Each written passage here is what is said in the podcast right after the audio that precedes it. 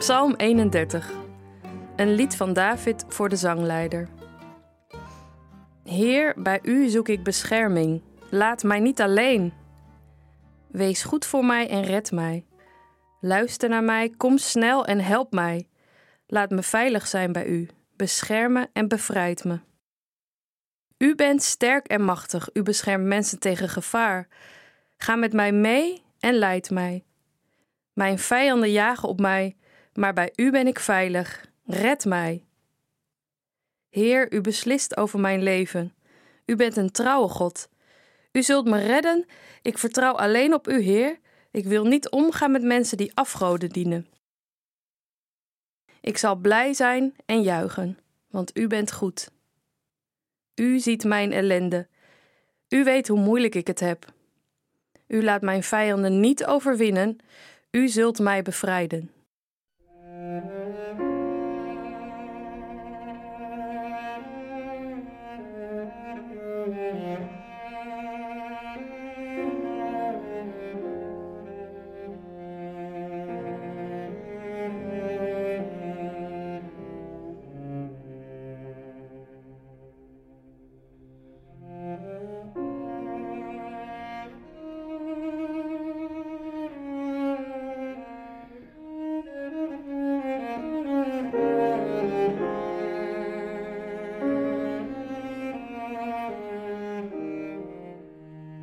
Meer van hetzelfde, maar dan langer. Dat is mijn eerste gedachte bij Psalm 31. De dichter is weer lichtelijk in paniek. Luister naar mij, kom snel en help mij. Dat hebben we al vaker gehoord de afgelopen dagen. En ook het vervolg klinkt bekend in de oren. Ik wil niet omgaan met mensen die afgoden dienen. Ik zal blij zijn en juichen, u zult mij bevrijden.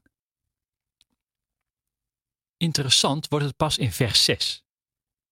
Heer, zo staat er, u beslist over mijn leven.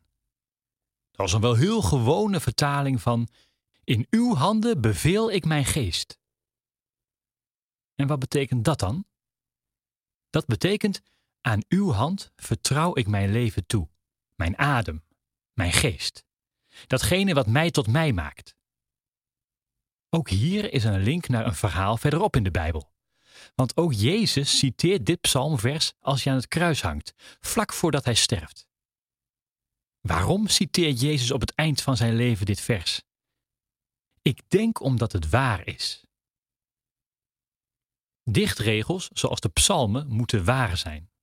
Wat niet betekent dat ze ook daadwerkelijk gebeurd moeten zijn. Maar ze moeten slaan op ons. Heer, u beslist over mijn leven. Dat is je laten vallen. Het is je toevertrouwen. En dat is nooit makkelijk.